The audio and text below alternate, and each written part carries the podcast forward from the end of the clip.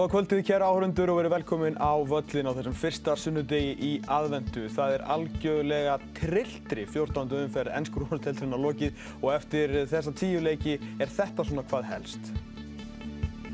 Newcastle var tölvöld betri aðlið gegn Manchester United sem er aftur komið í alls konar spurningar um sitt lið og kannski þá helst einn framherja í liðinu. Trent Alexander-Arnold var hetja Liverpool aðra helgina í röð, honum halda engin pönt í markaskorun þessa dagana og Chelsea vann leik á brunni sem er endar telsti tíðunda árið 2023 en þeir gerðu vel gegn bíliði sínu Brighton. Það held ég þú setja með okkur þennan sunnundaginn. Margret Lára Viðarstóttir og Eiður Smári Guðjónsson og það er á svo mörg og miklu að taka að við ætlum beint út á Etihad-völlin. Það sem að Tottenham var í heimsóknu á Manchester City. Helgin og sérstaklega þessi sunnundagur búin að vera algjörlega geggjaður. Frábær mörg, mikið af mörgum, mikið af atvikum og við vissum alltaf að þetta erði partileikur og ef það er eitt sem við veitum með Tottenham-lið að þó að það hefur verið að tapa upp á síkastið, það skor alltaf fyrst. Það skor alltaf fyrst og sérstaklega á útífellir á móti Manchester City uh, og hvað þá í skyndisókn, við hefum nú síðan þetta munstur áður. Heldur betur, Margret Lára var einmitt að fara með þetta yfir ykkur bara fyrir leik, hvernig þeir hafa verið að ná þessum árangri, svo sem voru ekkert að spila einhvern skyndisókn að bolta í dag, en þeir eru fengur tækifærið, há nýttur það um leið. Son með markið og síðan Son með markið. Óöfminn hérna. Já, þetta var svolítið svekkjandi fyrir Son því að hann skor þetta glæsilega mark fyrir, fyrir sitt lið og, og svo bættan öðru við en í, í rangt mark og, og, en þetta gerist frábær hérna fyrirgjöf frá Alvarez eða, hérna aukarspilnu. Erling Braut Holland svona með markaskónu svolítið löstreima á sig þessa dagana, fekk algjör dauðafæri sem hann nýtti ekki. En yfirbúrið sitt í töluverðir í fyrirháleikum. Gleymum því ekki að vantar hvern leikmannin á fætur örum hjá spörsliðinu og meira á ennþá í banni. Og þetta er Jeremy Doku með bara gömlega góðu skeitin nema ekki inn. Skeitin út. Uh, já, Doku var, var hættulegur á köflum, kannski ekki alveg uh, hans besti leikur síðan hann, hann kom til City en alltaf mikil ógnum frá honum og maður hafði svona tilfinningunni að City myndi hlaupa burt með þetta bara sérstaklega í fyrirháleik með við hvað tóttir voru djarfir að spila með þessa háu línu og taka á móti þessum sóknum frá, frá Manchester City trekk í trekk, komið, komið sér í góða stöður en náðu ekki að gera út um leikin eins og þeir hefði átt að gera í fyrirháleik sem var þeim síðan, já ekki að falli en, en var til þess að þeir munu tapa tveimur stígum í dag.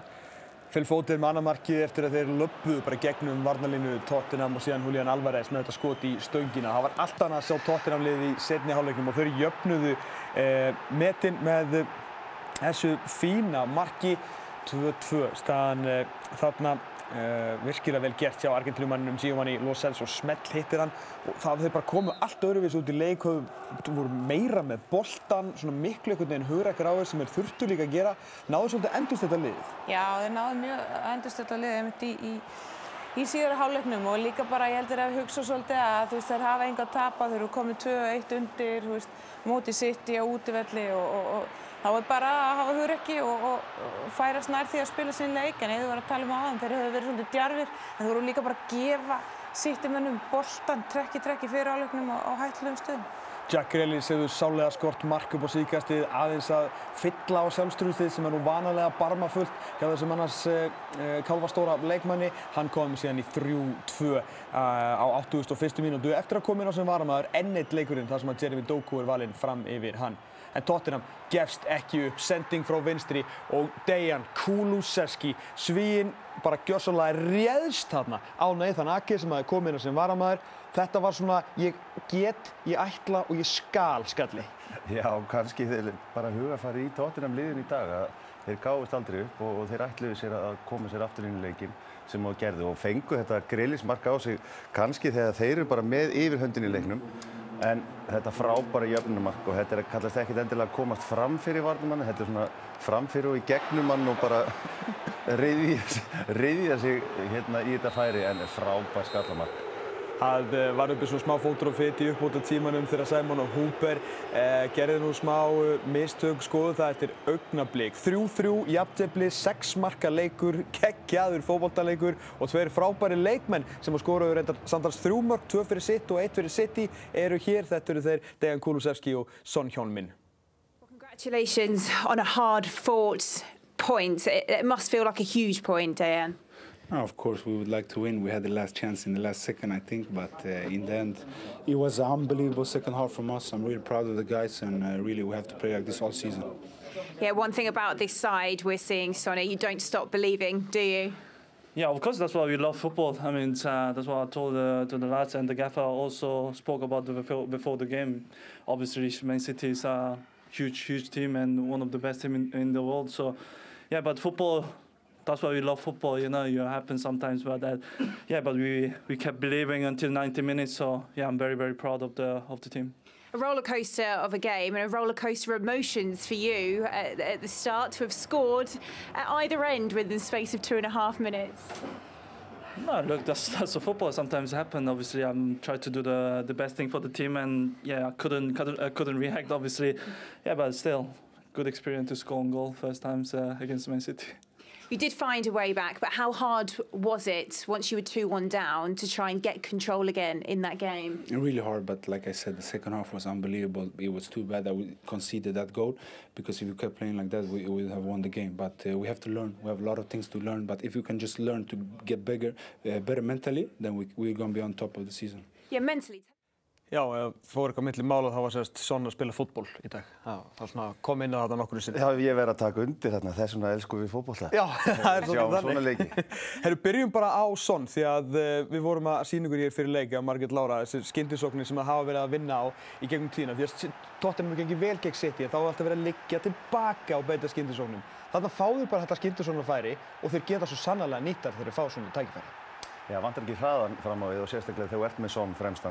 og og og hann sýnir þarna gríðarlega styrk líka, klára þetta frábælega og ég væri til að sjá hvað það tók á marga, marga sekundur að koma sér upp völlin frá því að fá á sig hotspinnu og það er til þeir klára færið, bara frábært.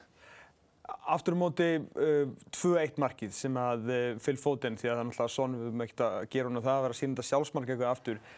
Þarna var svona leikmyndin einhvern veginn á tóttinarlegin ekkert sérstug því að varna, röð varnarmistækja hvernig telli ekki og tala saman þú átti ekki að láta lappa í gegnum þig saman hversu sitt í menn eru góð. Nei, þetta er full, full auðvöld mark fyrir, fyrir sitt í þarna auðvitað einhvern veginn við sjáum bara þú veist tóttinarlegin er ekki að vinna setni bólta þeir eru einhvern veginn staðir í varnarlegnum og einmitt þú veist þeir, það er nóga mannskap en einhvern veginn engin að stýra stjórna og hérna, en, en Alvarez, hann gerir þetta alveg hrikalega vel þarna, ég er mjög hrifin að þessari snertingu hans og, og bara þessi auga að vita að fóten einhvern veginn fyrir aftar sig en aftur á móti varnarleikurinn mjög svo slagur í að tókna liðinu. En ég held að þetta hafi líka bara verið pínu vendupunktu fjáðum í þessum leik að hérna, þetta mark einhvern veginn, þeir voru ósætti með það og þeir sveruðu svo sannlega fyrir það einhvern veginn í setniháleiknum. Miklu, miklu betur framist það. Og mörgin hefðu getur verið fleiri því að City í fyrriháleik var náttúrulega bara, eins og góður maður myndi segja, þeir voru bara dominera.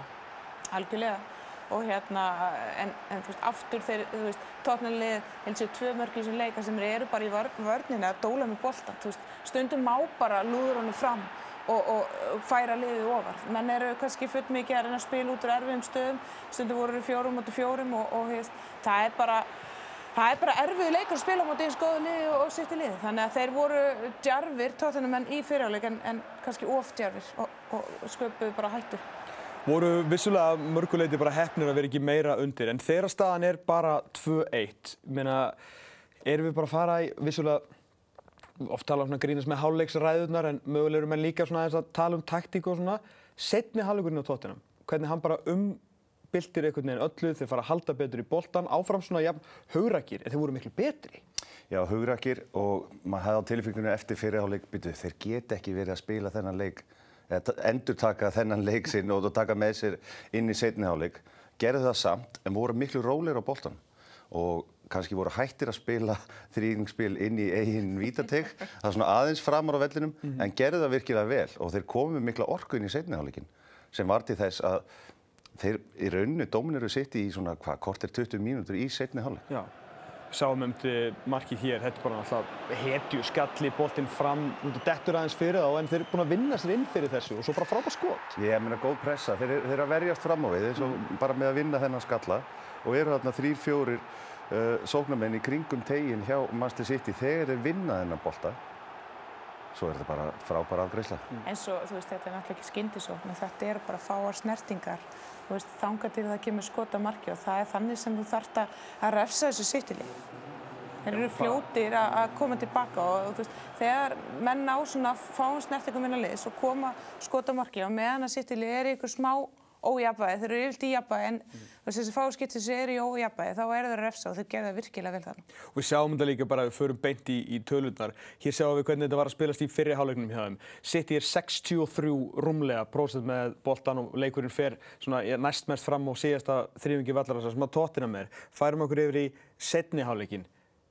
Tótt, vissulega er boltin mikið á tóttina vallarsast þrýfingnum en þeir fara úr sko að vera 30 eitthvað prósent boltan í 50. Þú veist, bara svona taka svolítið leikinn til sín, eins og þú varst að Taka segja. leikinn til sín og, og sem kannski er pínu skríti þegar við höfum hort á mannstu sitt í liði, sérstaklega á heimavelli, að í rauninni stjórna leik frá A til Ö í rauninni og stjórna svona öllu tempó í leik. Það var ekki, kom ekki á daginn í seinniháleik því að Tottenham í rauninni byrjaði að stjórna tempóinu í seinniháleik. En við segjum þetta allt en svo var það sjálfsögur City sem að skora því þeir eru alltaf ótrúlegir. En það var líka, eins og við erum búin að minnast á nokkru sinnum Margrét, menn að gera kannski óþarlega flóknar hluti í talum þeir eru alltaf að reyna að snúa það út úr pressu á móti Rodri, þú getur alveg senda lappi gegnum steipuvegg sko. Já, það er bara alveg rétt hjá þér og, og þú veist, það er, þess- er með þetta sittilið í pressunni þá eru þeir ákafir en þeir eru líka svo vel staðsettir og það er alltaf komin næsti maður og næsti maður til að bakka upp þannig að ef að sittilið vinnur boltan á þessu svegi þá er nánast í 90% tilfell að vinna, skora er mark því þeir eru svo margir og, hérna, og mörkin verða auðveld. Frábælega gert og gott fyrir Jack Grealish líka að skora, við sáum það líka í fagninu, þetta skipta hann alveg máli, við mættur hérna Smára Knár Belgi sem er búinn að hyrða á honum sætið. Aftur aðeins í þetta mark, Margrét, þetta jöfnuna mark, þetta er svo fallegt að það er ekkert alltaf sem maður sér bara þennan, þennan ákafa. Nei, það er nefnilega málið. Þetta lítur bara einhvern veginn einfalt út en, en það hvernig hann kemur hérna, veist, svona bakdýra meginn inn í þetta, hann kemur hann miklu offorsi og, og svona hoppar hátt og það gríðalegu kraftur í þessu og ég meina hann er í, í hálóttunum þarna með Nathan Eik, er það ekki? Já, og það er nú engin, engin smá varnamæður, þannig að Já, þetta bara er í bestu gríðalega- varnmaður deildarinn á tímbilinu. Þetta er bara gríðarlega gott mark og, og hérna hugur ekki í þessu. Og málum með Nathan Ake, þetta er svo öflugur varnarmaður, hann er búinn að líta tvistar yfir öxlun, hann veit hann er að koma. Já, já, hann veit, bara, hann veit að koma, hann vissi kannski ekki á hvaða ferð Kulusevski var að koma. Því að hann kemur hérna á 100 km hraða og tímasetningin frábær og bara virkilega verðskuldað og fallegt jöfnumark. Ekki spurning, sko, Manchester City var við það að sleppa í gegn í uppbótar tíma þegar annars mjög öflugur dómari leiksins, Simon Hooper, sem að, uh, var bara búinn að dæma þetta vel. Hér sjáum við, Rodri, Erling Haaland, klart brot á Erling Haaland, hann stendur upp, kemur sendingun í gegn, Simon Hooper er búinn að beita hagnaðinum en hætti svo við. Já, ætla að reyna að fá mig til að útskýra hvað hann var að hugsa. Ég, ég veit ekki alveg hvað ég er að byrja um að segja. Það alltaf... Viti enginn hvað dómarinn var að hugsa í þessu tilviki. Og eins og þú segir, hann beitir hagnaðareglunni hann. Jack Grealish er rétt staður. Jack Grealish er réttstæður sem að eru enn verri fréttir fyrir dómarann því að hann var ábygglega á leiðinni heim að býða til Guðs um að Grealish hefði verið rángstæður í þessu tilviki. Mun ábygglega fá mikla gaggrinni fyrir þetta og í rauninni rænir þarna mannstu sitt í bara dauða færi. Já, Grealish er bara farinn sko, hann er farinn í gegn, þetta er rándýrt og svo vildu þau líka fá vítaspinnu í uppbótartíma. Þið voru bæði svona með mjö, var svona eiginlega samdóm álið til rétt þegar við fórum að gera okkur klár fyrir þátt. Höndin er áöxlinn á honum en hvað finnst þér, Margrét? Nei, Mér finnst þetta ekki vítaspilna en, en það hefði ekkert hana óvart svona miðað við hvernig var hefur verið að taka á þessum málum og dómara líka að þetta hefði verið, hefði verið dæmt vítaspilna en ég er, ég er ána með ákveður dómara sem dæma ekki þarna mér full auðvölda dottið niður í tegnum og pluss það að hérna, ekki Kanji, hann er varnamaður, hann, hann á standið af sér og, og hann hefði aldrei náð boltanum heldur. Þrjú, þrjú í þessum frábæra fótboltaleik. Þeir voru fleiri frábærir og annar slíkur var í gerð kvöldi á St. James's Park í Newcastle þar sem að Newcastle tók á móti Manchester United. Það var ekki sömu mörkin en það var svo sannarlega sama, svona sami ákafinn og orkan og viljinn til að vinna en þó reyndar meira öðru megin. Já, ekki meira öðru megin, bara öðru megin. Bara öðru megin, ok. Orðað þannig. og það er sem sagt Newcastle fyrir þá sem Já, sá ekki leikinn. Fyrir, sá- fyrir þá sem sá ekki leikinn, að það var í rauninni bara eitt lið á vellinum. Þeir, Og algjört tíma spursmál hvenar Newcastle myndi komast yfir í þessum leik. Uh, United á einhvern óskiljaðan hátt hélt sér inn í leiknum fram að hálfleik. Uh, voru að missa leikmenn inn fyrir með þessu stungusendingu inn fyrir bakverðina hjá sér. Ekki tvisar, ekki þrisar, fjórum, fimm sinnum. Ótrúlegt að Newcastle hafi ekki verið yfir í hálfleik. Alexander Isak skaut framhjá, eða hlaut ekki framhjá Harry Maguire og Luke Shaw voru alltaf lang bestu leikmenn. Já, kannski eina sem eftir að segja, ef að Maguire og Shaw hefði ekki verið fyrir helmingin af boltanum sem komið þarna fyrir markið og hreinsaði til burtu, þá hefði verið, hæglega getið verið 4-5-0 undir í hálfleik. Kira Trippier hér með sendingu á Anthony Gordon sem er núna búinn að koma með beinum hætti að sjö mörgum í síðustu átta leikjum sínum. Þetta er strákur sem ætla sér á EM í Þýskalandi með ennska landsliðinu. Hann voru geggjaður. Ég held líka að flestir leikmenn sem eru svona á jæðrunum við að vera í hópnum uh, eða fá flugmiðan eins og menn vilja orða Jú, jú. að þeir verða sjá til þess að sé að spila reglulega og síðan standa sér nógu vel til að vinna sér inn þann flugmiða. Rétt. Þeir heldur áfram Louis Miley, 17 ára strákurinn í byrjunarliði Newcastle annan leikinn í röð, 18 ára Kobi Mainu hinum einn, gaman að fylgjast með þeim í gerð, voru báðir sér til mikils sóma en eins og þið sáu kannski á þessum hápunktum að þá var ekki mikið um færi öðru megin, þar að segja hjá þeim rauðu. Eh, ekki í fyrsta sinn sem við höfum dreigið hér Margréti og Flót eftir enn eina hörmulega framistöðu Manchester United og hún er strax búin að setja upp skeifu maður svona Herru, byrjum bara aðeins á þessu marki í Newcastle sem að það skorar því að uh, þar meiri sig að Luke Diego Dalot fer hérna fram til þess að reyna að fá boltan og honum er svona skipað að ef með það hlutverk að reyna að koma sér í, stöðu til að fá hann. Þeir fara í einhvern erfiðari sendingu og þá kemur bara allt sem að Newcastle snerist um í gerð það er bara power, hlaup og það var allt í þessu. Já, bara, þetta er bara mjög vel gert hjá Newcastle hvernig þeir svona vinna úr þessari stöðu auðvitað United liðu gefið þeim og, býður þeim upp í hennar dans en þarna komið mitt bara svolítið stór munur á þessum liðum í gæri annar liði bara vann alla setnabólta miklu meiri ákveð, miklu meiri kraftur á meðan þú veist, miðsvæði hjá United, bakurinn auðvitað, eða var að tala um það áðan en bara, þú veist, hvar er miðjan? Hvar er pressa á boltamann?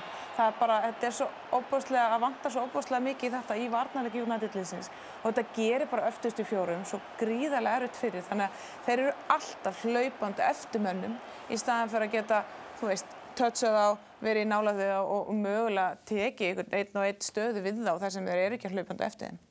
Þú myndist á það hérna yfir hábúltunum eða hvernig þið voru bara lappandi í gegnu á, á, á kontónum. Við erum með nokkuð dæmi hérna með þessu og þú leiður okkur aðeins í, í gegnum þetta það var bara allt opið. Já, það var allt opið og með við þessa hlaupagetu sem að Newcastle með á kvöndunum hjá sér að þá er þetta alltaf erfiðu dagur og þetta myndi vera mikil svona, þraut fyrir bakveri United en hversu auðveldlega uh, Newcastle komst fyrir aftanvörð Manchester United það var eiginlega bara pínu skrítið mm. og maður fá að hugsa Þetta ploss? Þetta pl skuli alltaf hafa verið svona mikið ploss á bakvið varnalínu United er bara risastór spurningamerki og er það þá, var ekki nóg mikið hjálp að vinna, vinna frá, frá köntunum, hægra megin Rashford, vinstra megin Garnaccio. Rashford á hægri kantinum, uh, ég hefði skipt hann út af í háluleik því að hann síndi okkur þarna, hann, hún langar ekkert að vera þarna, mm. líður illa þarna, nær ekki að koma inn á völlin, uh, inn á hægri fótinn hjá sér og í, raun, í rauninni síndi bara áhuga leysi sem að ég hef ekki séð frá hann um áður.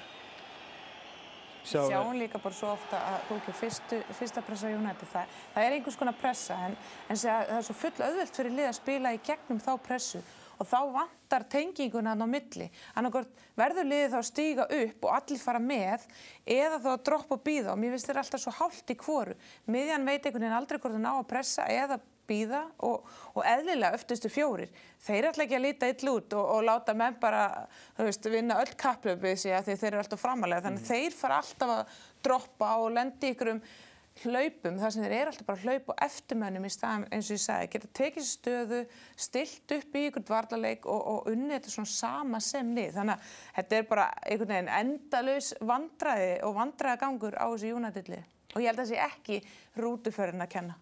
Nei, fyrir það sem ekki vita þá ætlu þeir að fljúa klukkan 11 en þá svo vondu þeir að þeir þurftu að taka rútu og þú veist, þetta er ekki Guðmundur Tyrfingsson sko með fullir veringu, finnast það fyrirtæki en þetta eru aðeins, þetta eru glansrútur sko. Hérna, það var óborgarlegt að lýsa þessu leik með Bjarnar Þóri gerð því að hann yfti oftar öxlum sko heldur en tralli trúður í, í fósbræðarum með var hérna hvað er að gerast yfir blessuðu Markus Rashford, sem þú varst að minnast á. Við höfum séð margt ekki gott með honum á þessari leittíð, Margret Lára, en ég held að það geti enginn verið svektur þegar sagt er að hann var eins og bara, bara kjáni hann ekki er. Hann hafði engan áhuga að vera hann inn á. Nei og eins og Eður sagði á hann að, að það er ekkert oft sem maður sér, maður, sér, maður hefur alveg sér slaka framistöðu frá Rashford en maður hefur einhvern veginn yfirl sér vilja og dugnað og, og elju og en, en einmitt ekki gær, hann er einhvern veginn, veist, hann er bara orðin lítill í sér, hann, hann virkar áhugaðlaus sem ég vil nú ekki trúa hann sé, ég vil ekki trúa hann sé í leilu form heldur, hann, er, hann á að vel þjálfaður þannig að þetta hlýtur að vera einhvers konar uh, bara, þú veist, lítið sjálfströst og, og bara vanlegan á vellinum. Hann er bara ekki að finna sig. Í seinasta leik uh, fekk hann taka vítaspinnu sem hann skoraði nú úr og maður hugsaði, ok, þarna er verið að reyna að trekja gæjan í gang. Bruno með þess að leiða hann að taka vítaspinnuna. En þarna bara einhvern veginn. Bara er erfitt að horfa upp á þetta því að þetta, þetta er veist, flottu leikmaður, örgulega góðu strákur og, og, og United hjarta en veist, þetta er ekki bólegt. Af því að ef þú ert í einhverju brasi og það gengur ekkert kannski fyrir fram á markið, það kemur fyrir á, á bestu bæi með öllum framherjum, sjáum hér munin á hann millir leiktíða, auðvitað bara sjokkerandi, en þetta getur alveg gerst hjá framherjum og það er þetta afsaka ímislegt svona. En eins og við sáum í þessum klippum, ef þú ert í einhverju brasi, þú getur alltaf hlaupið. Veist, að sjálfsögju og getur alltaf lagt í fram fyrir lið og hvað þá bara treyjuna sem að treyjuna sem átt í mm -hmm. um, fyrir að, ég fer að velta fyrir mér hvort að hann sé að hugsa heyrðu, ég var nú allavega einna bestu leikmunum United á síðast tífumbili, ef ekki sá besti ja, 30 marka maður og í hvað stöðu spilaði hann? Frammi? Nei, vinstra megin eða frammi mm -hmm. svona annarslæðið, mm -hmm. aldrei hægra megin það var svo greinlegt að hann þólir ekki að vera þarna hægra meginn á velli. Já, já, mitt. Hvort sem að það hafi verið komið í hausinu á hann fyrirleik að hjá tilfélginu hann, hann langar ekki að spila fyrir Ten Hag en þó þið langar ekki að spila fyrir þjálfvaran þá getur allavega gert það fyrir félagi sem þú ert að spila fyrir mm -hmm. og þá sjálfvæg og var lagt þitt á mörgum. Í gær var bara, það var ekkert af þessu. Það var ekki hægt að sjá að þetta veri í rauninni atvinnumæður í knaspinu með svona framistöðun og áhuga leið sem að hann síndi bara með svona sinni líkamstjáningu, þetta var eiginlega ótrúlegt. Heldur það að það sé komin í þennan pakka að ég, ég verði hérna lengur en þú, þá er ég meina við Ten Hag? Já, það getur vel verið að það spil inn í og það allavega að skeina á hennum í gær. En þú stjórnar ekki ferðinni sem leikmaður. Nei. Það er engin eitt leikmaður stærri heldur en félagið og það er bara félagið sem tekur ákvörðum hvað verður með framtíðina og, og þjálfvaran. Ég meina, Garnaccio var hínum einn, hann átti ekkert sérstakann leik en hann reyndi og reyndi og reyndi eins og hann gatt nema Trippi var bara með hann í vasanum jú, jú. og það var eina sem ætti að setja út af hann ungu strákur sem á ekkert að hérna, bera United-lið á, á aukslun sér. Svo, svo var þein og ekki eina vandamálið. Bakverðinni voru uh, uh, í miklu brasi. Miðmenni tveir, þú ert með McTominay og þú ert með Maino og hvað er það? Átjana? Hæ? Já, fyrir ekki. Eh, Maino. Átján ára. Já, átján ára. Á móti Joe Linton og Gimaris, tvíbara bróður aðeins, sem voru bara að stjórna miðunni á móti þeim og það er, maður skilur það alveg, átunar strákur sé ekki að fara að taka leikin til sín inn á miðju United. Þá horfum maður á fyrirliðan Bruno. Hvar var hann inn á vellinu? Hann var út um allt en ekki neinstaðar. Mm. Hann var bara e, út á vinstri kanti, út á hægri kanti, eitthvað að hlaupa fram, eitthvað að hlaupa tilbaka. Jú, sinnir alltaf sinni varnavinu og hann er duglegur. En þetta er leikmaður í svona leik sem á að bera liðið upp á miðju United, ekki hinn í tver. United búið að vera á smá rönni en allir sérrættina móti liðum sem eru fyrir neðanstreik og eða vel fyrir neðanstreik. Sindi United er í gera að það er þó þrátt fyrir þess að stegarsöfn að það sé langt frá svona topp 6-ish. Já, þeir hafa bara sínt okkur það því miður undanfarnar vikur og líka við horfum til leikina þeirri í meistaradeildinu annað. Þeir eru bara, þú veist, jújú, Stíðarsson hefur verið fínu undanfari en, en framistan hefur bara ekkert verið nægilega góð. Sóknarleikurinn, hann er, það er ekkert flæði í svona sóknarleik. Man sér ekkert svona... 16 mörg í 14 leikin. Akkurat, man sér ekkert bersinlega hvað þeir eru að reyna, hver eru leiðirnar, hvar liður leikmennum vel. Man finnst bara einhvern veginn, Uh, vonandi komist við yfir af því að það er þægilegra. Uh, þannig að veist þetta er bara svona það er alltaf lítið struktúr í þessu að manni finnst og tölum nú ekki um varnarleikin en bara struktúrin og, og tengingar millir leikmanna og lína hjá United er bara, hún er eiginlega bara ekki til. Og erum að tala um Rashford. Manbi Sakkagreið, hann er hann fyrir aftanan og veist, hann er alltaf í einn og einn stuð, líka tveir og einn á hann og þú veist, ég veit ekki, þú er að menn ekki að kalla okkur annan og láta hans heyri í sér að því að þú veist, þetta er bara ekki bóðilegt og hann hafi fengið eiginlega 45 hundur í gerð, það er eiginlega bara, það var bara 45 hundur múið mikið. því Já, miður. sko, ef við halda áfram með United. Nei, nei, ég held Nei. bara komið ágætt sko. Þetta, þurfum þeir eru aftur að spila, þeir eru aftur að spila á Þurfum miðvikudag. ekki að minnast á Martial einu sinni þegar hann sást ekki. En honum kannski til varna fekk hann ekkert að gera. Eitt, svo, bara einn Já, bara undir þó nú lokin. væri. Sko, Erik Ten Hag, þú gerir skiptingar og þú breytir engu í leik liðsins. Þú tekur bara fram mér út af, setur fram mér inn á. Tekur einhvern annan út af, Kantmann inn á. Og breytir engu þegar þú sérð að er ekki, það er ekkert að virka í þeirra leik. Ég er ekki alveg hægt að hugsa aðeins taktíst og segja, heyrðu, hvernig væri bara að prófa að henda tveimur fram og fara í þrjá aftast og fimm á miðunni. Bara pæling, sko. bara, bara pæling. Eh, við byrjum auðvitað nýstofna endurvaki Newcastle klubbin ásökunar á því, tölum ekki meira hvað þeir voru góði, þeir letu bara svo stórt lið lít út þessu kynni ekki fótbolta og það er eiginlega alltaf fréttaefni. Eh, á Emirates var, voru úlfarnir í heimsóknni á Arsenal.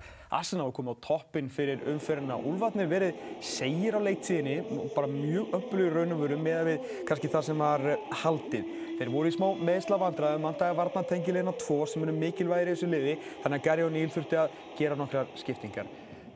Var eiginlega ljóst bæði með svona hugarfari Arsenal í þessum leik, viljarum þar og mannskapsvandamálum Gary O'Neill að þetta var nú ekkert sérlega sangjart fótballtaleikur svona framan af. Nei, ekki framan af. Og þetta fyrsta mark hjá, hjá Saka bara frábært, jafn skemmtilegt og, og fagni og fagni hjá hann. Það er ekki alltaf sem að taka þennan. Léttleikandi. Tomiyasu, uh, þú var hérna í hæri bakgrunum átti þessa sendingu á stjórnustrákin Bukayo Saka. Þetta á 70 mínútu og svo strax á 13 mínútu. Þá var okkar maður, Ödegard, mættur þar sem hann var alltaf í fyrra og skoraði. Á vítabúnd.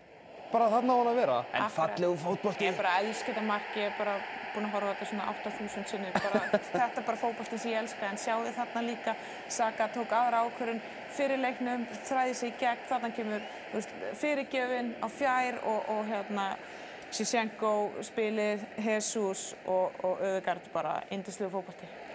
Þeir held áfram að hrella á Saka og Martinelli og Jesus. Þetta var svona svolítið þrennan frá því fyrra. Það var svona svipa líf í þeim þegar hann alltaf ekki fengið marga leiki saman þannig sé á þessari leiktíð. Declan Rice að sjálfsögðu náttúrulega var bara, setti bara svo lauruglu hú og fekk kilfu og stýrði bara auðferðinni þetta meðinni. Þeir áttu ekki séns. þeir átti ekki séns og, og hérna, ég veit ekki hvort þetta sé besta svona eh, heilstiftasta framista Arsenal-liðsins á þessu tímabili en mér finnst það jafnvel einhvern veginn bara hluta til. Það er svona framan á allavega. þú veist, og, og bara hvernig er einhvern veginn funguru saman sem heild og maður sé líka bara leiklegin þú veist, þegar þið skoru annar markið þá voru allir að fagna og hafa gaman og bara horfa á þetta svona í þessum gýr Einir, eitt besta liðið þá loka mínúturum í þessu deild er, eru úlfarnir. Þannig að þegar Matthíus Kunja mingaði munn á 8070 og þá svona fór maður aðeins að sperra eirun aftur, geti eitthvað gest, Eddie Nketiah, elsku kallinn, getur ekki keft sér mark þessa dagana, en úlfarnir byggur alveg til leik.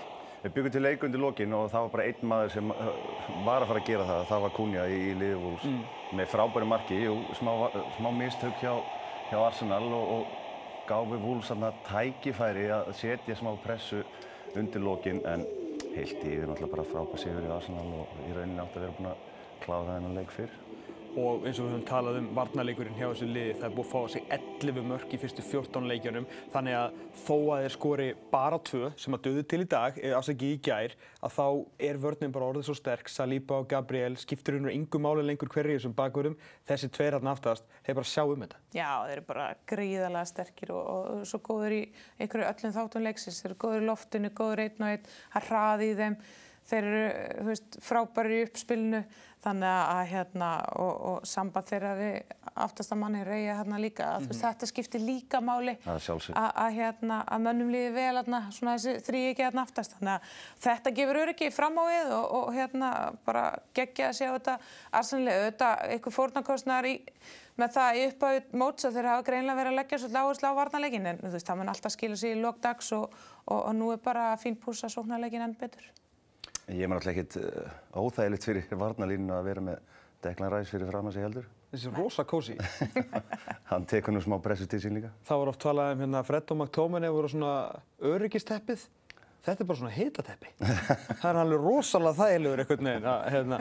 Mjög samfærdi hjá Arsenal svo sem ekki mikið meira um það að segja flott mörk við ætlum að fara í auðlýsingar, koma tilbaka með flottu markakeppnina í Liverpool og mjög svo skemmtilegan leik á Stamford Bridge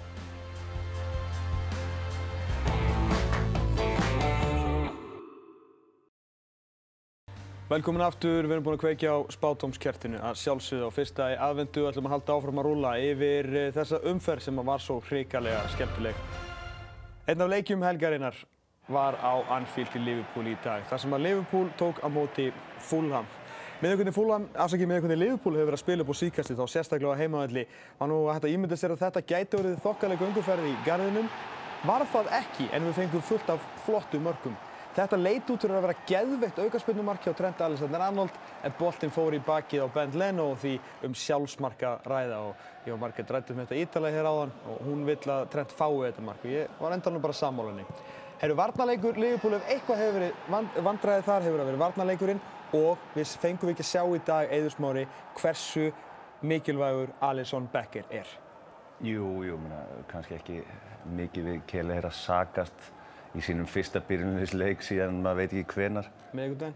Nú, ok. Deildinni? sorry. Í- í- Ég er að tala um í deildinni. Já, það er ár og dag. Það er, en uh, jú, að sjálfsögðu, minna, Alisson er bara og hefur verið eitt besti markmaður deildarna í, í mörg mörg ár. Fannst þér þetta fínt mark hjá McAllister? Mér fannst þið bæði bara nokkuð flott hjá Liverpool. uh, en jú, við kunnum, við kunnum vel að meta svona mörg. Algjörlega frábært mark, fær smá tíma til þess að munda skotfótinn og það er ekki hægt að hitta fótbolta betur en þetta. Horspilna síðan í uppbóta tíma fyrri hálfleiks og þessi bolti barsta á bakverðin Kenny Tete sem svona skóplaði boltanum inn en aftur hægt að setja kannski smá spurningamarki við Quífin Kelleher í markinu á Liverpool. Já, ekki spurning, en líka bara tekningin svolítið inn í teig og, og þú veist að verðast þessum svona fyrirgjöfum hotnum og fyrstu leikadröfum. Þú veist, þetta er bara, þetta eru, þú veist, þetta er bara mörg sem telja og þetta er bara dýrt fyrir liðins og liðbúli að ætla að leggja þetta upp í vana hjá sér. Aðstóðdómarinn dæmdi rángstöðu sem að eh, var nú aldrei rángstöða. Darvin Núnes spilaði menn þarna rétt á því staðan 2-2 í hálfleik. En áfram helt partíð í setni hálfleik þáttur að menn byggðast með markaskorunina. Darvin Núnes og já, Mark Súlurnar, þetta er svona orð sem að fara mjög vel saman. Hann er mjög duglegur að hitti þér. Hann er mjög duglegur að hitti, hann er alltaf mjög duglegur að koma sér í færin samt, við tökum það ekki á hann, Nei, en hann á í rosalegum erfileikum með að klára það. Bobby de Cordova Reed mættur ferskur aftur eftir æfinga með heimi Hallgrímsinni og kom Fulham yfir á 80. mínútu og þá fórum við að spyrja sig er Liverpool að fara að tapa á Anfield fyrir Fulham? Og Liverpool sagði nei, hvernig þetta ykkur það í hug? Hér, kom eitt stykki Wataru Endo!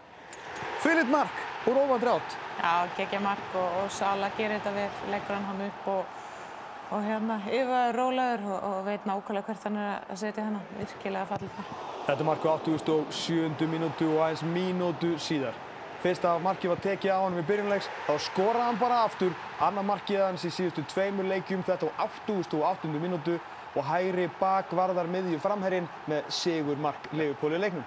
Já, við, við hefum miklu vandræði með að nátt okkur á því hvað við eigum að kalla hann, hvað stöðu var hann, en við hefum alltaf vitað að hann er með frábæran skotfót og hann síndi það þarna allan að tvívegis því að ég vil meina að hann eigi að fá þetta fyrsta mark líka, eða aukarsmyndu marki.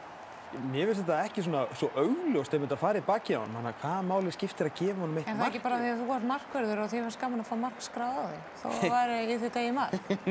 Reyndar ekki. Bara að fá smá fyrirsæmir. Það tókst nú aldrei að skora sjálfsmark á sínum tíma, sko. Herðu, hérna, uh, skoðum þetta bara aðeins betur, því að ég, þú veist, ég er svona alveg kortið að vera ósamális. Tómas, þetta er bara... Sjáu þið þetta? Þú veist, markanefndin er búin að, þetta er ekki, er ekki markanefnd vallarins, þetta er markanefnd Premier League. Ég segi bara til hvers.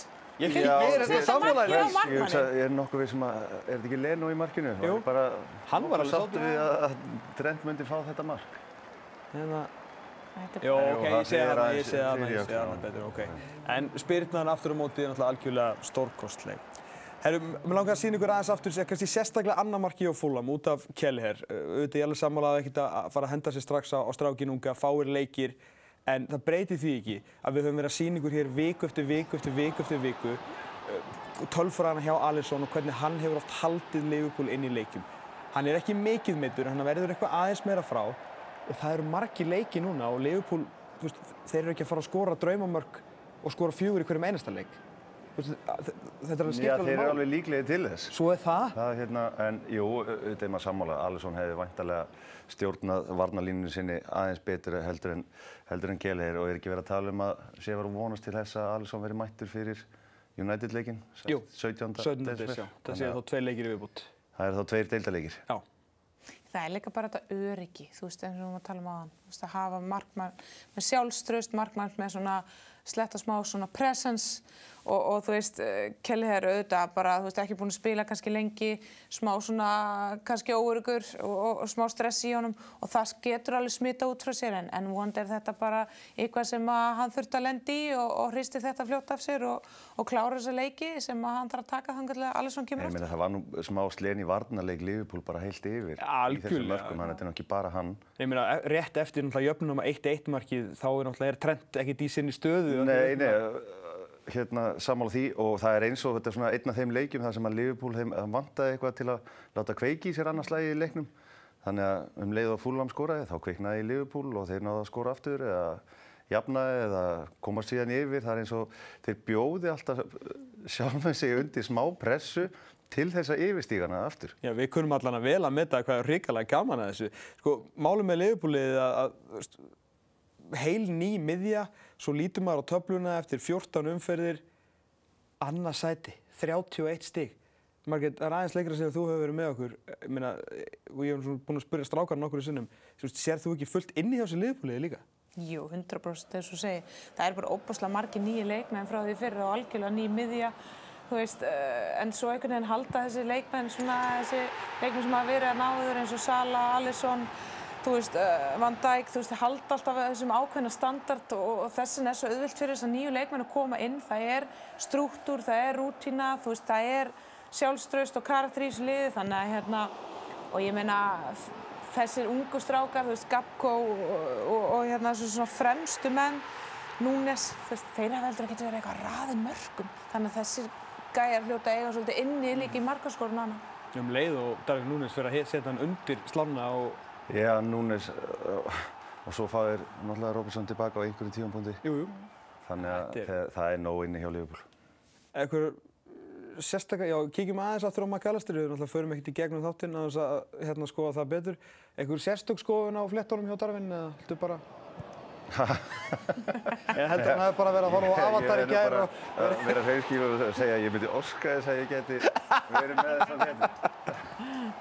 Æ, ég er svona, það var svona smá Avatar-fílingur sinnum döðið tveir hjá honum. Það er þetta mark hjá McAllister. Ég meina, ég veit ekki hvað ég var að byggja ykkur um að segja, annað þetta sé geggja. Það er bara styrla mark hjá Það hann. fyrsta sem ég hugsaði þegar ég sá þetta, þetta myndi bara Paul Scholes upp á sitt besta. Svona mark. Skoppar fallega fyrir hann Já, og fæ bara látið vaða í fjær. Það er líka- ekki eins og að taka mótum. Líka að má, menn mega bara gera meira þessu. Stundum er verið að reyna að spila inn í marki, það má bara gera meira þessu. að- að hérna, þetta gleður augað svo sannlega. Greiði Bentley og fekk hérna, hann var skorinn, eins og Bubbi myndi segja, sko, fekk, þurfti að fá hemmar reyðarsbandið og svo var alltaf að vera sko, að gera svona, kom vera svona close-up á honum eins og þetta væri þessu að kenna. Alltaf margir bara þrjá. Það var valla fyrir augunum. Það eru frábæðir sigur í frábærum leiki á Liverpool en annar fimmmarka leikur, marka veistla var á brunni þar sem að eh, Brighton að hefur nú heldur betur haft mikið að segja um svona framtíð Chelsea og síðustu misseri var komið í heimsókn. Chelsea verið að vinna afskaplega fáa leiki á heimavöldi á þessu almanagsári, nánast engan, en þeir komust yfir. Hérna Benoit Badiashile með flotta stóðsendingu inn á tegin þar sem að Enzo Fernandez skoraði á 17. mínútu og þú lítur að hafa verið bara þokkala ánægð með svona hvernig þeir, þínum menn komið inn í hérna leik. Ég kom inn í leikir ekki hvernig þeir byrjuðu því að Brighton byrjuðu bara nokkuð feskir að vanda og, og bara stjórnaði spilinu en það komið þarna tvö augnablík, tveir boltar svona á fjær koma aftur fyrir markið Chelsea allt í hennu komið 2-0 yfir og hann hugsaði að þetta gæti orðið góðu dagur á brunni loksins og er það rétt hjá mér að sé þriði heimasigur í síðustu 15 heimaleikjum Já.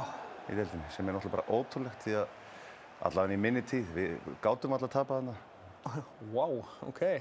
Það veist, bara smá fráleikmóli. Svona rétt fyrir yngri áhórundur að þegar Eður spilaði þá vann hann alltaf. Og, en það er þetta alveg rétt, hann er ekki að ljúa neinu maðurinn. Levi Colville skoraði annar markið auðvitað Brighton strákur uppalinn og ákvað að fagna ekki eftir öll sex árið sín hann í akademíunni hjá Brighton. Uh, hér er, þetta er maður með uppbóðsnafnum mitt í deildinni þessa dagana. Þetta er Facundo eða Facundo Buonanotte. Bónanótt. sem ég vil þýða sem góða nótt. Það að er bara hárið til þér. Þakka þér fyrir. Þannig ég er svona að vona einn daginn hann skori segumark ef þeir eru að lýsa. Við veitum alveg hvað mun gerast þá. Herru 2-1 staðan, geggjaða leikur. Þetta var líka á marka mínútunni. Heilt sé uh, heitnum Bjarnar Fel. Conor Gallagher fyrirliðin fekk raukt spjald, annað gula fyrir þessa tæklingu. Tæft. Nein, hárrétt. Ha? Ég ég sá þetta úr uh, hérna, Ég ætla að vera voða næst við hana. Herru, Mikael Múdrik, hann fiskaði vítaspunnu, Miller, hann var nóg að gera hjá dómarunum í, í þessum leik. Þeir fóru, hann dæmdi ekki víti, var sendur í, í skjáinn og eftir að hafa skoðað þetta dæmdi hann uh, vítaspunnu. Hvað varst þið margir? Já, mér fannst svona þegar við vorum að horfa þetta, fannst mér bara alls ekki verið að vítaspilna en, en hérna, það voru einhverju klárar en ég sem bent á það að hann hefði nú kræ, krækt fótónum í fætutan á honum, Modric, kannski réttlætanlega þá, en mér fannst þetta mjög aukt, mjög aukt víti. Já, 3-1 á 60.50, Jao Pedro mingaði munin í 3-2 á annari mínúti í uppbótatíma. Eh, James Miller með uh, stórsendinguna þarna. Uppbótatíminu var eitthvað 10 mínúti pluss, hann hafa nægur tími fyrir Brighton en þeir náðu ekki að gera neitt mikið úr þeim og bara ekki neitt sem að þýtti að Chelsea hafði sigur. Sjá Brighton 68% með boltan áti á marktelurinn á Stamford Bridge. Þeir vika ekkert frá, frá sínu en hvernig sem þetta kom, hvort viti þeir eru eru tvö eitt yfir og manni færri en vinna samt. Já, já, og það í rauninni má segja bjargar Chelsea svolítið að fá þetta víti. Því að um leið og þeir skora úr henni, tvekja marka fórskot, þá sátu þeir bara fyrir framann tegin hjá sér og það er ekkert skrítið að Brighton hafi endað með einhver 68% af boltanum því að Chelsea var bara að sækja kannski einum, tveimum mönnum en þetta atvik var til þess að Chelsea náði að halda út þennan leik og taka þrjú stig. Vítið þið ekki? Alls ekki 100% vitið. Nei, ég, maður sá þetta í endursýningu öðru sjónáðni, uh, Milner setur hendina þess út, það var ekki nóg til að þetta ég er viti, en ef við horfum bara á, lappirnar, að þá krækir hann þarna í, og þetta er það náttúrulega það sem að dómarinn fær að sjá í, í, í hérna, skjánum hjá sér og dæmir viti út frá því, en mér finnst lí- samt sem áður, freka soft. Já, mér finnst líka bara markurinn hugrakkur en að fara út í svona 50-50 návi og veist, hún veit að að menn eru mögulega að fara að koma með takkan í handlut á honum og, og grípur þetta og grípur vel inn í og er eiginlega svona refsað í kjölfarið og fær ekkert út í því nema bara vítaspinn á sig. Þannig að mér varst þetta, mér varst þetta ekki vítið, mér varst Modric líka bara búinn að missa boltan frá sér og hann var aldrei fara að gera neitt úr þessu. Herru, Conor Gallagher verður ekki með Chelsea gegn Manchester United á miðvíkudagskvöldið. Hann fekk tvö gul, þetta er fyrra, allt og seitt, bara svona ekta Gallagher tækling, hann lifir á brúnni, það bara hans leikur og, og allt í góðu, hann þarf að taka sínum spjöldum þar. En setna 100% gult. Þetta var 100% og þetta líka. 100% gult. Þegar þú sér þetta á öðru sjónarhóðni, að þá tekur hann ekki boltan fyrir hann að hann er búinn að hérna, taka mannin fyrst niður. En fyrst er tæklingin að verðskulda gul. líka, sér, þetta er aftan frá 100% guldspjál. Já, já, já. Sérðu núna? Tekur aldrei boltan fyrir þarna og er í öklunum á leikmann. Þetta er bara guldspjald. Og þetta er guldspjald hvort sem þú ert komið með guld eða ekki. Herru, vá, vá, ég... Jæja. Já, heyrðu, ég, þú veist að ég er Chelsea maður. Ég- ég- ég veit en það. þetta er fyrirliðin, þetta, það eru nokkra mínútur í hálfleik. Ertu ekki svolítið bara pirraðar út í hann fyrir þetta? Jú, að sjálfsögðu. Já. Því að þeir eru nýbúin að fá þessi víti, Brighton er komið aftur inn í leikinn. Mhm. Síðast sem þú þarfst að, að halda leikmára guðlu spjaldi, taki einhverju óþarfa tæklingu og láti reyka sig út af. Já, 100%. Og skilur liðsfélagana eftir með hvaða skýtavinnuna er næstu 45 mínútur. Já. Eða 55 sem þetta er orðið núna. Já, nokkar. Nýji leiktíminn, 252 og hálf. Þetta er óagað. Þetta er það, Þetta er óbúinlega það. óagað hjá honum og að, þú veist, hann þarf ekki að fara inn í þetta svona. Hann, eins og Eiður segir, hann fer svona fyrst í mannin, svona aðeins aftan í og, og svo tekur hann boltan og fínt og flott sko. En, en hérna, hann þarf að skoða hvað menn gera stundum undan. Góða punktur, góða punktur. Er frábær sigur hjá Chelsea sem fyrir segir á stórleika á miðvíkudags kvöldið og við ætlum nú einmitt að vera hér með uppgjör og þeirri umferð. Klárum mörkin á helginni. Fullt af leikjum eftir til að eh, skoða hér á smá hraðferð og fullt af mörkum, þannig var nú þessi umferð. Luton nýlegaðnir voru mættir á eh, G-Tech samfélagsvöllin í Brentford Þar sem að Brentford skoraði nú ekki fyrri hálfleik en síðan fóru nú vélarnar að matla í setni hálfleiknum. Þeir aftur komnir í fínan gýr en það tveir taplíkir rauð gegn Liverpool og Arsenal.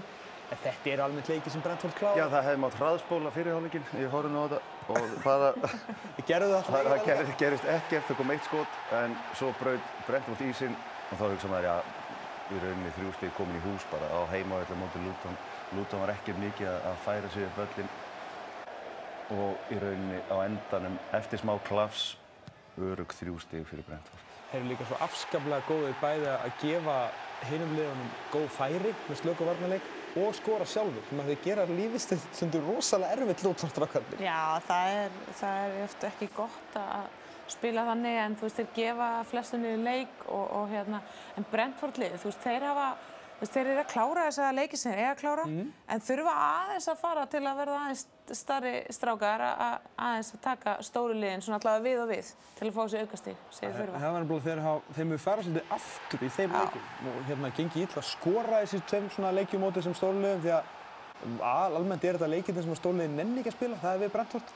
En á þessum leik aftur Luton, minkaði munin, Jacob Brown með bara ljómandi fínt mark. Tvö mörk í tveimur leikjum fyrir hann. ekki amalegt en þegar að þeir heldur að þeir var að fara að komast eitthvað lengra að þá reikspóluðu Brentford-menn bara í gegnum vörnina og strákur sem ekki séð skorið svolítið tíma Shandon Babsírt gerði þetta svo vel að ég hef að fagna að hann fekk boltan aftur Jú, jú, það vantaði ekki upp á klassi í tegi og lúta mönnum en eina ferðina enda margir á, á svipuðum stað uh, inn í eigin teg en eins og segir, jú, Luton skoraði þetta fína mark en í rauninni voru aldrei að ógna þreymur stegum fyrir Brentford. Nei, nei, sá 27 skot, 6 á marki gegn einu, 69% með boltan og 3,5 tæpir í XG. Herru, við erum búin að uh, fyrsta, jafn mikið og Burnley stuðningsmenn í sigur. Þeir hafa verið algjör hörmunga að horfa á því miður, þurfum bara að segja eins og er. Jói Berg því miður bekkjaður, en herðu, það kom og það kom bara með stæl. Heldur 5-0. betur, heldur betur. Og, Og frekar snögt. Frekar snögg, 15 sekundur, fljótast að mark deildarinnar til þessa. Akkurat, þetta er bara, en, en mikið allt fyrir þá, mikið allt fyrir börli að ná inn loksast þessum sigri og heimaðalli og þú sagðir að Jói hefði ekki byrjað en hann kom inn á eistöðinu 3-0, það komið 3 mörg, nei 2-0, það komið 3 mörg eftir það, þannig að Jói okkar enn og alveg mikið á þessu börnlið og vonandi fyrir hann bara að spila meira og meira. Þetta er eitthvað frábært mark, fyrsta snerting. Fyrsta snerting með hægri, klára þetta með vinstri í fjæðirónið. Frábært laup, frábær, frábært touch, frábær afgræsla. Og þú getur ímyndaðir fyrir Vincent Kompany með þetta börni, börnilið sitt að vera búin að leita eftir þessi, þessum fyrsta sigri síðan maður veit ekki hvenar. Að fá eitt svona eftir 15 sekundir voða gott og ná síðan að skora annað ná síðan þá líka síðan að Oli McBurney hafi verið reygin út af. Já, það auðvitað skiptir máli í Þa- uppbótum þá er bara leikurinn í rauninni sigurinn er unnin sko nema þú gerir eitthvað rosalegt að þér til að klúðra þessu sjálfur. Já, sjálfströðust Sheffield United er ekki á þeim stað að þeir mæti tilbaka manni færri og 2-0 undir. Nei, þeir eru bara á þeim staði tildinni að þeir eru bara svona að reyna að halda velli held ég í- og haus í hverjum leik og bara greiðlega erfitt, erfitt framöndan hjá sérfalliðinu. Maður sér það bara ekki fyrir sér bara Nei, þeir verða vinna bara að leik og njóta hvað þess það að náist vera í, í Premier League í þetta eina ár Hvernig fannst þið pælingin mín um að eftir 19 fyrir að skipta á Leicester og þeim? Jú, jú, eh, bara setja í nefnd Settum við til nefnd, þau veist ekki á alð, íslensku alþingi, það voru afgreitt bara strax held ég. Herru, Vestham förum uh, til uh, Lundúna, Austurlundunni, þá voru Vesthamenn með Crystal Palace í heimsókn. Þessi leikur var í dag og Vestham komst yfir á 13. mínútu. Þarna er Vestham búið að finna gullmóla í Mohamed Kudus.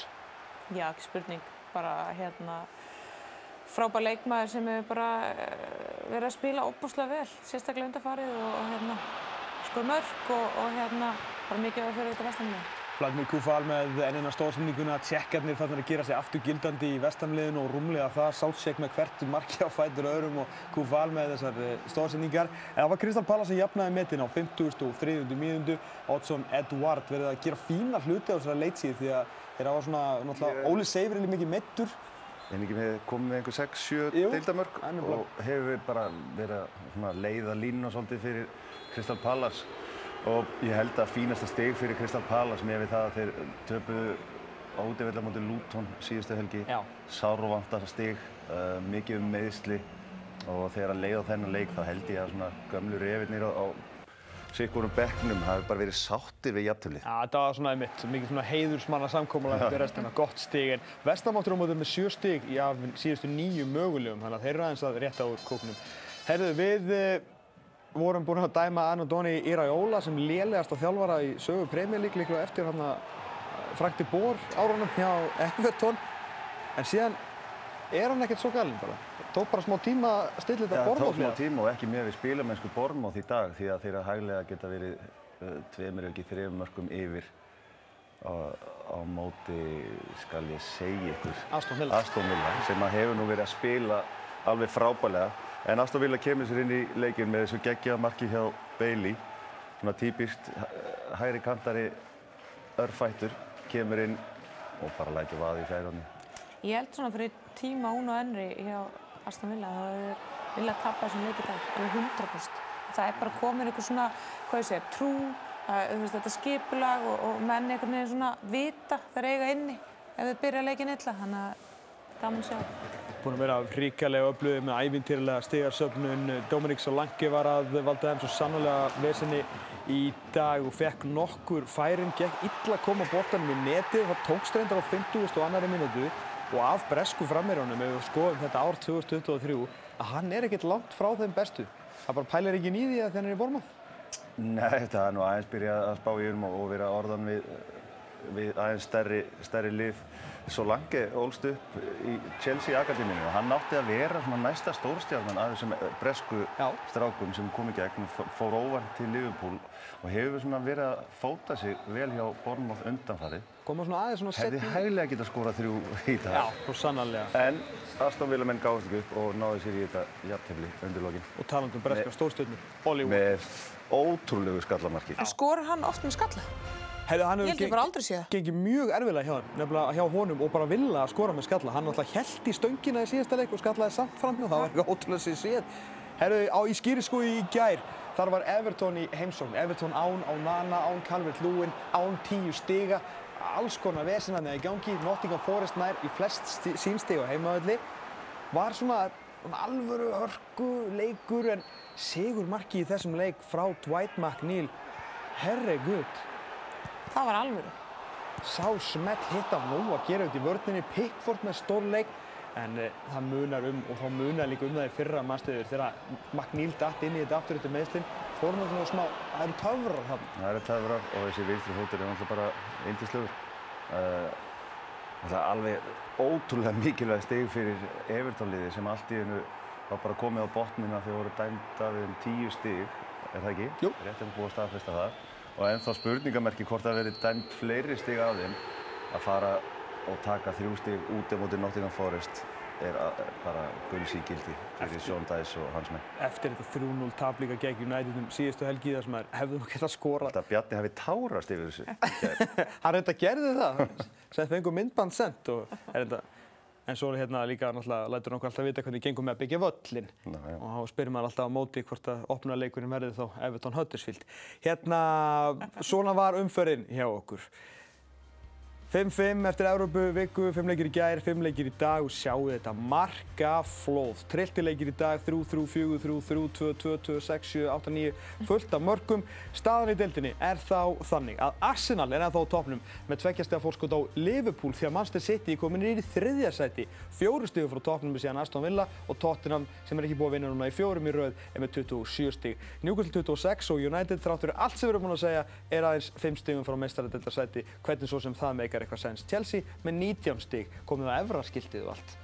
Við botnin er Sheffield United með 5, Burnley 7, Everton eh, 17 minus 10 og Luton með 9 stig. Bournemouth síðan aðeins aðna að fjarlægast pakkan eftir fín úrslit upp á síðkastið. Fyrri umferðin í miðri viku í þessum desembermánuði er núna í vikunni. Við förum strax á stað á þriðjudaginn, Úlfarni gegn Burnley og Luton Arsenal. Svo fer allt af stað á miðvikudaginn. Tjekkið þetta. Liverpool er að spila kl. 19.30 og kl. 20.15 uppbyttum frá kl. 19.45 er bæði Aston Villa Manchester City og Manchester United Chelsea. Tottenham og Vestan eiga síðan stóra sviði á fimmtudaginn, 15. umferðin frá þriðjudegi til fimmtudags og við verum með uppbytun og völl hér á miðvikudagskvöldið. Það held ég eh, við uh, þurfum bara held ég að fara heim í kvíld, róa okkur, ná okkur niður eftir þessa helgi. Eiður, Margrét, ávallt ánægði, heiður, gamla að vera með ykkur. Vonandi nutuði þessar helgar með okkur. Við sjáum okkur aftur næsta miðvíkudag. Uh, njótið aðventunar sem núna gengin í garðið. Þangað til á miðvíkudaginn segjum við verið sæl.